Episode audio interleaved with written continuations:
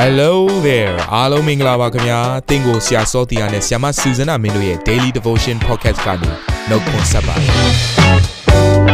ဆရာနဲ့ဆ iam မတို့ရဲ့အသက်တာမှာဘုရားရှင်ပြုတဲ့ကောင်းကြီးမင်္ဂလာများစွာရှိပါတယ်အဲ့ဒီအထက်ကပြန်လဲစီးဆင်းတဲ့နှုတ်ကပတ်တော်ကိုဒီနေ့မှနားထောင်ပြီးခွန်အားယူကြမှာဖြစ်ပါတယ်နေ့စဉ်10မိနစ်လောက်အချိန်ပေးပြီးမိမိရဲ့အသက်တာကိုကောင်းကြီးဖြစ်စေမယ့်ဘုရားသခင်ရဲ့နှုတ်ကပတ်တော်နဲ့နီးလန်းတွေကိုအတူတကွခံယူကြရအောင်ခင်ဗျာ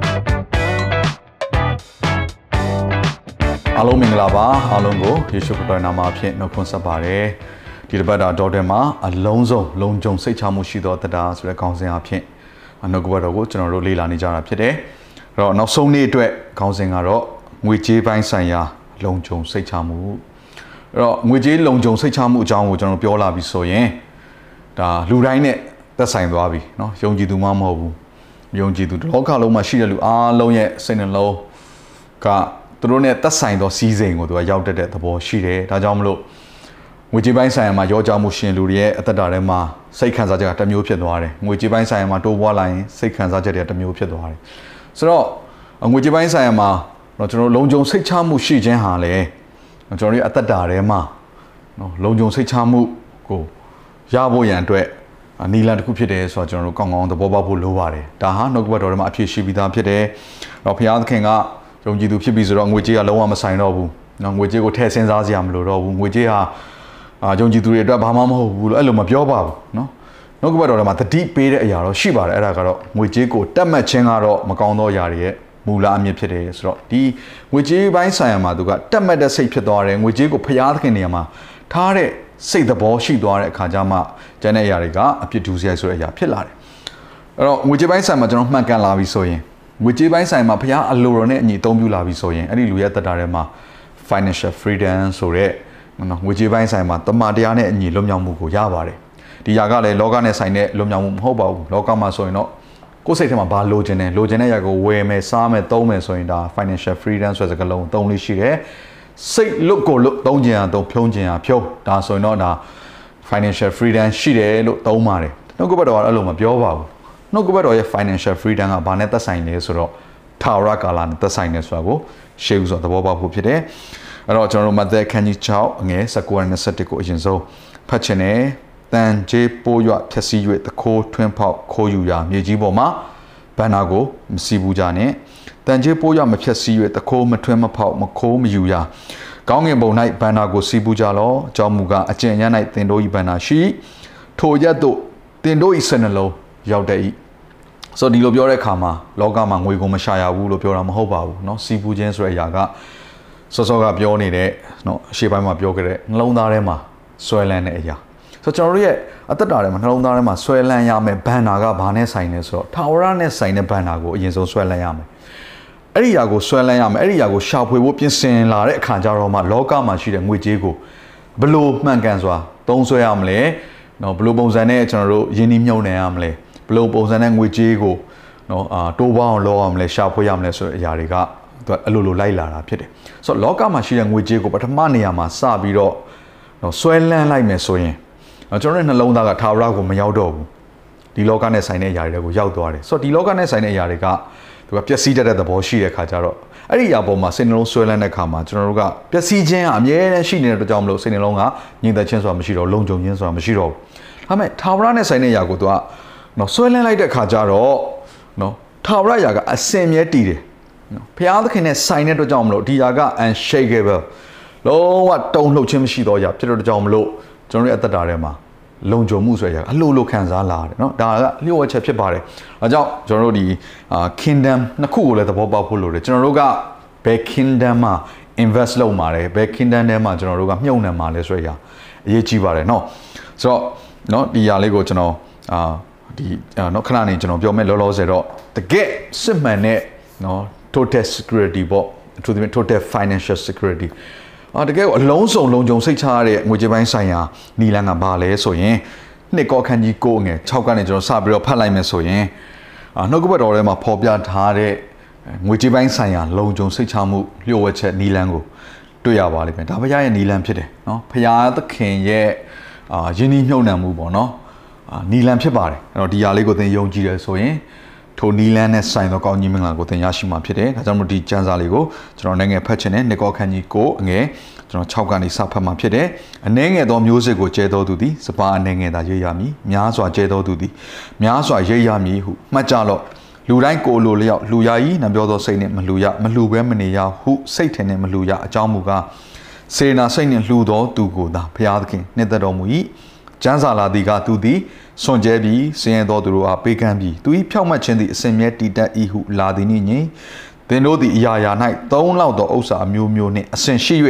ကောင်းသောအကျင့်အမျိုးမျိုးနှင့်အထူးသဖြင့်ပြည့်စုံမည်အကြောင်းအမျိုးစုံသောမင်္ဂလာကျေးဇူးနှင့်အထူးသဖြင့်ပြည့်စုံစေခြင်းကဘုရားသခင်တတ်နိုင်တော်မူ၏မျိုးစေ့ကျဲသောသူအားမျိုးစေ့ကို၎င်းအစာအာဟာရကို၎င်းပေးတော်မူသောသူသည်သင်တို့အားမျိုးစေ့ကိုပေး၍ပွားများစေတော်မူမည် သင်တို့၏ဖြောင့်မတ်ခြင်းကိုလည်းကြွယ်ဝစေတော်မူမည်ထို့သောသင်တို့သည်စေနာစိတ်နှင့်အမျိုးမျိုးသောစွန့်ကြဲပေးကမ်းခြင်းအလို့ငါအရာရာ၌ကြွယ်ဝခြင်းရှိသည်ဖြစ်၍ငါတို့အားဖြင့်ဖျားသခင်ကျေးဇူးတော်ကိုချီးမွမ်းစရာအကြောင်းရှိလိမ့်မည်အငယ်၁၁တိဖြစ်ပါတယ်အဲ့တော့အဓိကနော်အနှစ်ချုပ်သူဆိုလိုရင်းကတော့ကျွန်တော်တို့ site တဲ့အတိုင်းကျွန်တော်တို့ပြန်ရိပ်ရတယ်ဆိုတဲ့အရာဖြစ်တယ်နော် site တဲ့အတိုင်းပြန်ရိပ်ရတယ်ဆိုတဲ့အရာကပေါ့နော်ဒီလောကမှာလည်း သူ့ရဲ့နီလန်းကရှိတာပေါ့နော်ကျွန်တော်အပြင်လောကကိုကြည့်လိုက်မယ်ဆိုရင်လည်းမိမိအားထုတ်သည့်စ조사သည့်အတိုင်းနော်ဒါသူ့ရဲ့လှုပ်ဆောင်မှုကိုပြန်ပြီးရတဲ့သဘောရှိတယ်ဒါပေမဲ့ဒီနေ့နှုတ်ကပတ်တော်မှာပြောထားတဲ့အရာကကြတော့ဘုရားရဲ့နီလန်းကကြတော့ဘာပါလာလဲဆိုတော့ဘုရားသခင်ပြင်ဆင်တော်ကောင်းကြီးမင်္ဂလာပါလာတယ်နော်ဘုရားသခင်တတ်နိုင်ခြင်းဆိုရက်ဘုရားရဲ့မဆာခြင်းပါလာတယ်ဒါဟာနော်ဒီလောကမှာရှိတဲ့ principle ထက်ပိုပြီးတော့ကြီးမားတဲ့ကောင်းကြီးမင်္ဂလာဖြစ်တယ်ဒါကြောင့်မလို့နောက်ထပ်ကျမ်းစာတစ်ချက်ကိုကျွန်တော်တို့ အာကြည့်လိုက်မယ်ဆိုရင်လည်းဖခင်ပေးတဲ့စီစဉ်ဥစ္စာဟာတဲ့ဝမ်းနေခြင်းနဲ့မယောနော်ဘူးအဲ့တော့ကျွန်တော်တို့လိုအပ်တဲ့အရာကစီစဉ်ဥစ္စာတသက်မဟုတ်ဘူးဝမ်းနေခြင်းနဲ့မယောနော်သောဘုရားသခင်ပြုတော်ကောင်းကြီးမင်္ဂလာဖြစ်တယ်ဒါကြောင့်ကျွန်တော်တို့ဒီလောကမှာရှိတဲ့နော်နိုင်ငံနှစ်ခုအပေါ်မှာဘယ်အပေါ်မှာ invest လုပ်မလဲဆိုတဲ့အရာကနေ့တိုင်းမှာစဉ်းစားမယ့်အရာတစ်ခုဖြစ်လာတယ်။တော့ဒီလောကမှာ invest လုပ်တာကတော့နော် တိုးပွားလာတဲ့အရာရှိရင်ကျွန်တော်တို့ဝမ်းမြောက်စရာအကြောင်းရှိတယ်။ဒါပေမဲ့မတိုးပွားတော့ဘူးဆုံးရှုံးလာပြီဆိုရင်ကျွန်တော်တို့အတွက်တုံ့လှုပ်စရာအကြောင်းရှိတယ်။ဘာကြောင့်လဲဒီလောကတိုင်းနိုင်ငံအမြဲတမ်းလှုပ်ခါနေတယ်။ဒါပေမဲ့အစင်အမြဲတည်တော်မလှုပ်ခါနိုင်တော့ဘုရားရဲ့နိုင်ငံတော်ထဲမှာ invest လုပ်ရတယ်ဆိုတဲ့အရာကဆိုတော့ကျွန်တော်တို့ဖတ်ခဲ့တဲ့ကျမ်းစာဖြစ်တယ်အဲ့ဒီနီလန်တိုင်းသာ invest လုပ်မယ်ဆိုရင်ねကျွန်တော်တို့ရဲ့အသက်တာအစင်အမြဲဖရားပြင်ဆင်သောကောင်းကြီးမင်္ဂလာနဲ့ဝမ်းနေခြင်းနဲ့မယောနောသောဖရားရဲ့ တဆွမ်းနိုင်ခြင်းကောင်းကြီးမင်္ဂလာနဲ့ပြည့်ဝနေမယ်ဆိုတဲ့အရာတွေကိုပြောထားတယ်။ဒါကြောင့်နော်ဟေဘရဲခန်းကြီး7နဲ့ငွေ26ကနေ28ကိုဖတ်လိုက်တဲ့အခါမှာအဲတိုင်းနိုင်ငံတစ်ခုကိုတွေ့ရလိမ့်မယ်။အဲ့တော့သင်ရွေးချယ်ရမယ်ဒီနေ့မှာနော်။အထက်ကဗျာဒိတ်တော်အတန်ဒီမြေကြီးကိုလှုပ်သည်ဖြစ်၍ယခုတဖန်ငါသည်မြေကြီးနှင့်ကောင်းကင်ကိုလှုပ်အောင်မည်ဟုဂတိတော်ရှိဒါဟာနောက်ဆုံးသောအချိန်ကာလအတွက်ဖျားထားတဲ့ဂတိတော်တွေကတစ်ခုဖြစ်တယ်ကျွန်တော်တို့ကဘုရားဂတိတော်ဆိုရင်ကောင်းတဲ့ຢာတွေပဲစဉ်းစားတတ်တယ်เนาะကောင်းတဲ့ຢာတွေကိုအမြဲလိုချင်တယ်ဒါလည်းเนาะကျွန်တော်ရဲ့စိတ်သဘောအဖြစ် အာမျောလင်းတဲ့အရာပေါ့လေကောင်းပါတယ်ဒါပေမဲ့တပြိုင်နက်တည်းမှာနောက်ဆုံးသောအချိန်ကာလမှာဖျားလုံးမဲ့ຢာကတိုင်းနိုင်ငံအသီးသီးကိုဒီလောကကမ္ဘာကို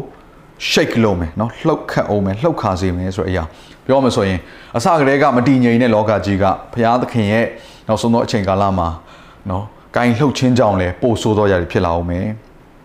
တဖန်ဟူသောစကားဤအတိတ်ဘက်ကမလှုပ်နိုင်သောအရာတို့ကိုတီစေခြင်းကလှုပ်သောအရာတို့ကိုလောကီရာကဲ့သို့ပယ်ဖျက်လိမ့်မည်ဟုဆိုသည်ထို့ကြောင့်ငါတို့သည်မလှုပ်နိုင်သောနိုင်ငံကိုရသည်ဖြစ်၍ခံညာကြောက်ရွံ့သောသဘောနှင့်ဘုရားသခင်ကိုလျှောက်ပတ်စွာဝိပုနိုင်မိအကြောင်းယေရှုတော်ကိုဆွဲလန်းကြကုန်ဟံ့နောက်ဆုံးသောအချိန်ကာလမှာဘုရားသခင်လှုပ်ဆောင်တဲ့လှုပ်ခတ်ခြင်းမှာတခုတည်းသောထွက်ပေါက်ကတော့ဘာလဲဆိုတော့ဘုရားသခင်ယေရှုတော်ကိုဆွဲလန်းခြင်းဖြစ်တယ်ဘုရားကိုမိခိုခြင်းဘုရားကိုခိုလုံခြင်းဖြစ်ပါတယ်အကြောင်းဒီနေ့ကျွန်တော်ငွေကြေးအကြောင်းကို ပြောနေတော်လဲပဲနော်အသက်တာထဲမှာသဘောပေါက်အောင်မရတခုကဘာလဲဆိုရင်နောက်ဆုံးသောအချိန်ကာလကိုရောက်လာလေးလေးနော်ကျွန်တော်တို့ရဲ့ငွေကြေးတွေကိုသုံးရမယ့်အရာကဘုရားသခင်နိုင်ငံတော်ထဲမှာဖြစ်တယ်ဆိုတာကိုလည်းပို့ပြီးတော့သဘောပေါက်ဖို့လိုပါတယ်အဲ့တော့ကျွန်တော်တို့မဿဲခရစ်ဝင်ကျမ်းနော်ခရစ်ဝင်ကျမ်းထဲမှာဆိုရင်ယေရှုခရစ်တော်ကဒါအာနောက်ဆုံးသောအချိန်ကာလနဲ့ပတ်သက်တဲ့ prophet future တွေကိုပြောလာတဲ့အခါမှာနော် တနိုင်ငံနဲ့တနိုင်ငံရန်ဘက်ပြူမဲ့လူမျိုးတစ်မျိုးနဲ့တစ်မျိုးเนาะစစ်ပြိုင်ကြမယ်အဲဆိုးရရတယ်အများကြီးကိုပြောတယ်အစာရစာခေါင်းပါရယောဂဖြစ်တဲ့ຢာတွေပုပ်ပါနမိတ်တွေအများကြီးပြောတယ်အဲ့ဒီထဲမှာနော်ပါလာတဲ့ຢာတစ်ခုကဘာလဲဆိုတော့နောက်ဆုံးသောအချိန်ကာလမှာနော်ဘယ်ချိန်မှမဆုံးသွားမလဲဆိုရင်ねလူမျိုးအပေါင်းကအေဝံဂေလိသတင်းကိုကြားပြီးတဲ့အခါမှာနိုင်ငံတော်နဲ့ရှင်တဲ့အေဝံဂေလိသတင်းစကားကိုကြားပြီးတဲ့အခါမှာတော့နော်ဒီလောကရဲ့အဆုံးသတ်ပိုင်းကိုရောက်လာလိမ့်မယ်ဆိုတော့အတိတ်ဘက်ကဘာလဲနောက်ဆုံးသောအချိန်ကာလရောက်လေလေအေဝံဂေလိ နိုင်ငံတော်နဲ့ရှင်သောအေဝံဂေလိသတင်းစကားကိုလူမျိုးအပေါင်းနော်လူຫນွယ်အပေါင်းကြားရဖို့အတွက်တာ၍လှုပ်ဆောင်ရလေလေဆိုတဲ့သဘောပဲဖြစ်ပါတယ်အတိတ်ဘက်ကပါလေကျွန်တော်တို့ရဲ့အချိန်တွေအစွမ်းတက်တီတွေအထူးသဖြင့်ဒီနေ့မှာငွေကြေးကြောင်းပြောနေတော့ငွေကြေးတွေကိုနောက်ဆုံးသောအချိန်ကာလမှာဘုရားကဘယ်နေရာမှာသုံးစေခြင်းတလဲသူ့ရဲ့နိုင်ငံတော်နဲ့ဆိုင်တဲ့အရာတွေမှာပို့ပြီးတော့မြုံနှံစေခြင်းနဲ့တော့ဒါဒီလောကမှာဘန္နာကိုစီးပွင့်တော့ဒီလောကရဲ့နီလန်တိုင်းသွားမှာပေါ့ ထာဝရနဲ့ဆိုင်တဲ့ကောင်းကင်ဘန္နာကိုစီးပွင့်ရင်တော့ကျွန်တော်တို့ကရိတ်သိမ်းရတဲ့အခါဒီလောကမှာရိတ်သိမ်းရတာမဟုတ်ဘူးနော်ထာဝရကာလမှာပါရိတ်သိမ်းရတဲ့အခွင့်ကိုဘုရားရှင်ပေးမယ်ဆိုတော့ကိုကျွန်တော်တို့အာသဘောပေါက်ဖို့လိုတယ်ဒါကြောင့်မလို့ကျွန်တော်ဒီစံစာလေးကိုအာဆက်ပြီးတော့ဖတ်ချင်ပါတယ်အဲ့ဒါတော့ဒေသနာ7အငယ်1နဲ့2ဖြစ်တယ်သင်၏အစာကိုရေပေါ်မှာပစ်ချလော့ကာလကြာမြင့်မှာတဖန်တွေ့လေအောင်မည် လူခုနှစ်ယောက်မကရှစ်ယောက်တို့အားဝေမျှလော့မြေပေါ်မှာအပေအမှုရောက်မည်ကိုသင်မသိနော်ဒီကဘာကြီးပေါ်မှာမနေ့ပြန်ဘာဖြစ်မလဲဆိုတော့မသိရတဲ့အချိန်တွေကအခုကျွန်တော်အသက်ရှင်တဲ့အချိန်ကာလပဲဖြစ်ပါတယ်ဘာလို့ရမလဲဆိုတော့သင်ရဲ့အစာကိုရေပေါ်မှာပြစ်ချလိုက်ရေပေါ်မှာပြစ်ချလိုက်ရင်ဘာဖြစ်မလဲပျောက်သွားမှာပဲလေဒါပေမဲ့ကျန်းစာကဘာပြောလဲကာလကြာမြင့်မှာတဖန်တွေ့လေအောင်မည်တဲ့နော်ဒီပြစ်ချလိုက်တဲ့အရာမသေးကြဘူးလို့ထင်တဲ့အရာနော်အဲမှာပြစ်ချလိုက်တာ နော်အခုလိုမျိုးနောက်ဆုံးအချိန်ကာလရောက်လေလေဟာဆူဆောင်းအောင်မယ်ဆူဆောင်းအောင်မယ်အာပို့ပြီးတော့ဒီလိုစဉ်းစားတတ်တယ်ဘုရားကအဲ့လိုမဟုတ်ဘူးပေးကမ်းပါတဲ့နော်တဖန်ပြန်တွေ့လိမ့်မယ်တခါလူ9ယောက်မက10ယောက်တို့ကိုဝေမျှပါမြေကြီးပေါ်မှာအပေမှုရောက်မြည်ကိုသင်မသိနိုင်ဘူးဆိုတော့အခုလိုအချိန်ကာလမှာလောက်ရမယ့်ရာတခုကဝေမျှခြင်းလည်းဖြစ်ပါတယ်နော်ပေးကမ်းခြင်းလည်းဖြစ်ပါတယ်ဆိုတော့ဒီຢာတွေအားလုံးကထာဝရနဲ့ဆိုင်တဲ့ຢာတွေကိုစီးပူးနေတာဖြစ်တယ်ဒါကြောင့်မလို့လူကအခန်းကြီး16အငယ်1ကနေ8ကိုကျွန်တော်အားလုံးကိုလေ့လာဖို့ရန်အတွက်နော် assignment ပုံစံမျိုးလေးပေးခြင်းပါတယ်နော် လူကာ16အငယ်1ကနေ10မှာဇလန်းလေးတစ်ခုပါတယ်ဖတ်ကြည့်ပါမြဲသောနော်စီစဉ်ကိုရဖို့ရန်အတွက်တနည်းအားဖြင့်ပြောမှဆိုထာဝရနဲ့ဆိုင်သောတေခြင်းတစ်ဖက်ကန်းရောက်တဲ့ခါမှာအစင်မြဲတည်မြဲမဲ့မိတ်ဆွေတွေကိုရဖို့ရန်အတွက်တဲ့ဒီလောကမှာရှိတဲ့မမြဲသောစီစဉ်ကိုသုံးပြီးတော့စီးပူးပါဆိုတော့နော်ဘုရားသခင်ရဲ့ကျွန်တော်တို့ကိုအကြံပေးချက်ဖြစ်တယ်ဘုရားရဲ့နီလန်ဖြစ်တယ်အဲ့ဒီမှာပါတဲ့ဇလန်လေးကိုလေ့လာပြီးတော့အသက်တာကို ဒီနေ့ပြင်ဆင်မှာထာဝရနဲ့ဆိုင်သောဘန္နာကိုစီးပူးတတ်တော်သူများဖြစ်ဖို့ရန်ကျွန်တော်ဒီနေ့ခွန်အားပေးခြင်းပါတယ်ခဏလောက်ဆုတောင်းရအောင်ဘုရားသခင်ကိုရောကိုယေရှုတင်ပါတယ်ဒီလောကတိုင်းနိုင်ငံဟာမတည်မြဲပါဘူးသို့တော်လည်းကျွန်တော်တို့ဟာမလှုပ်နိုင်သောတိုင်းနိုင်ငံကိုရထားသောသူတွေဖြစ်ပါတယ်ဒါကြောင့်ရုရှားဖျားဒီနေ့ဒီလောကထဲမှာပဲ။အိုးသွာလာလှုပ်ရှားနေရစနေအသက်ရှင်နေရင်လည်းလော်ကီစီးစိမ်မမြဲသောစီးစိမ်ထဲမှာပဲစိတ်ဆွဲလန်းခြင်းသောခြင်းရှိသောသူတွေမဟုတ်ဘဲနဲ့ မြဲသောတိုင်းနိုင်ငံထာဝရနဲ့ဆိုင်သောဘန္တာကိုစီးပူးတတ်သောသူတွေဖြစ်ဖို့အလို့ငါဝိညာဉ်တော်ဖျားသည်ယနေ့ပဲနှိုးဆော်လို့ယေရှုတင်တယ်ဉာဏ်ပညာကိုပေးပါဖဖျားခင်အပေကဲ့သို့ဟိုစီးပူးရမလဲဆိုတဲ့အရာကိုနှုတ်ကပတ်တော်ထဲမှာလမ်းညွှန်ထားတဲ့အတိုင်းလှုပ်ဆောင်တတ်သောသူတွေဖြစ်ဖို့ရန်အလို့ငါလည်းယုံကြည်ခြင်းကိုကိုတော်ပေးပါဒါတို့ရဲ့ပိုင်ဆိုင်မှုတွေ စီးစိမ်တွေအားလုံးကိုရဲ့အရှိမရှိပါတယ်ဖဖျားသခင်မြဲသောစီးစိမ်ကိုစီးပူးတတ်ဖို့ရန်ကိုရောတုံသင်ခြင်းအတွက်ယေရှုတင်တဲ့ဖဖျားသခင်ဒီလောကမှာနေတဲ့အခါမှာလဲဝမ်းနေခြင်းနဲ့မယောနှောသောကိုရောပေးသောကောင်းကြီးကိုသားတို့အားလုံးမျှော်လင့်ကြပါတယ်ဒါကြောင့်သားတို့ရဲ့အသက်တာအချိန်နာကြီးပိုင်ဆိုင်မှုအားလုံးစက္ကန့်အနက်နဲ့ခါမှာအသက်ရှင်တော်မူသောနာဇရက်မြတ်သားယေရှုခရစ်တော်၏မြတ်သောနာမကိုအမိပြုလျက်ဆုတောင်းစက္ကန့်အနက်ကြပါ၏အာမင်ရောက်တိုင်းကိုဘုရားသခင်ကောင်းချီးပေးပါစေ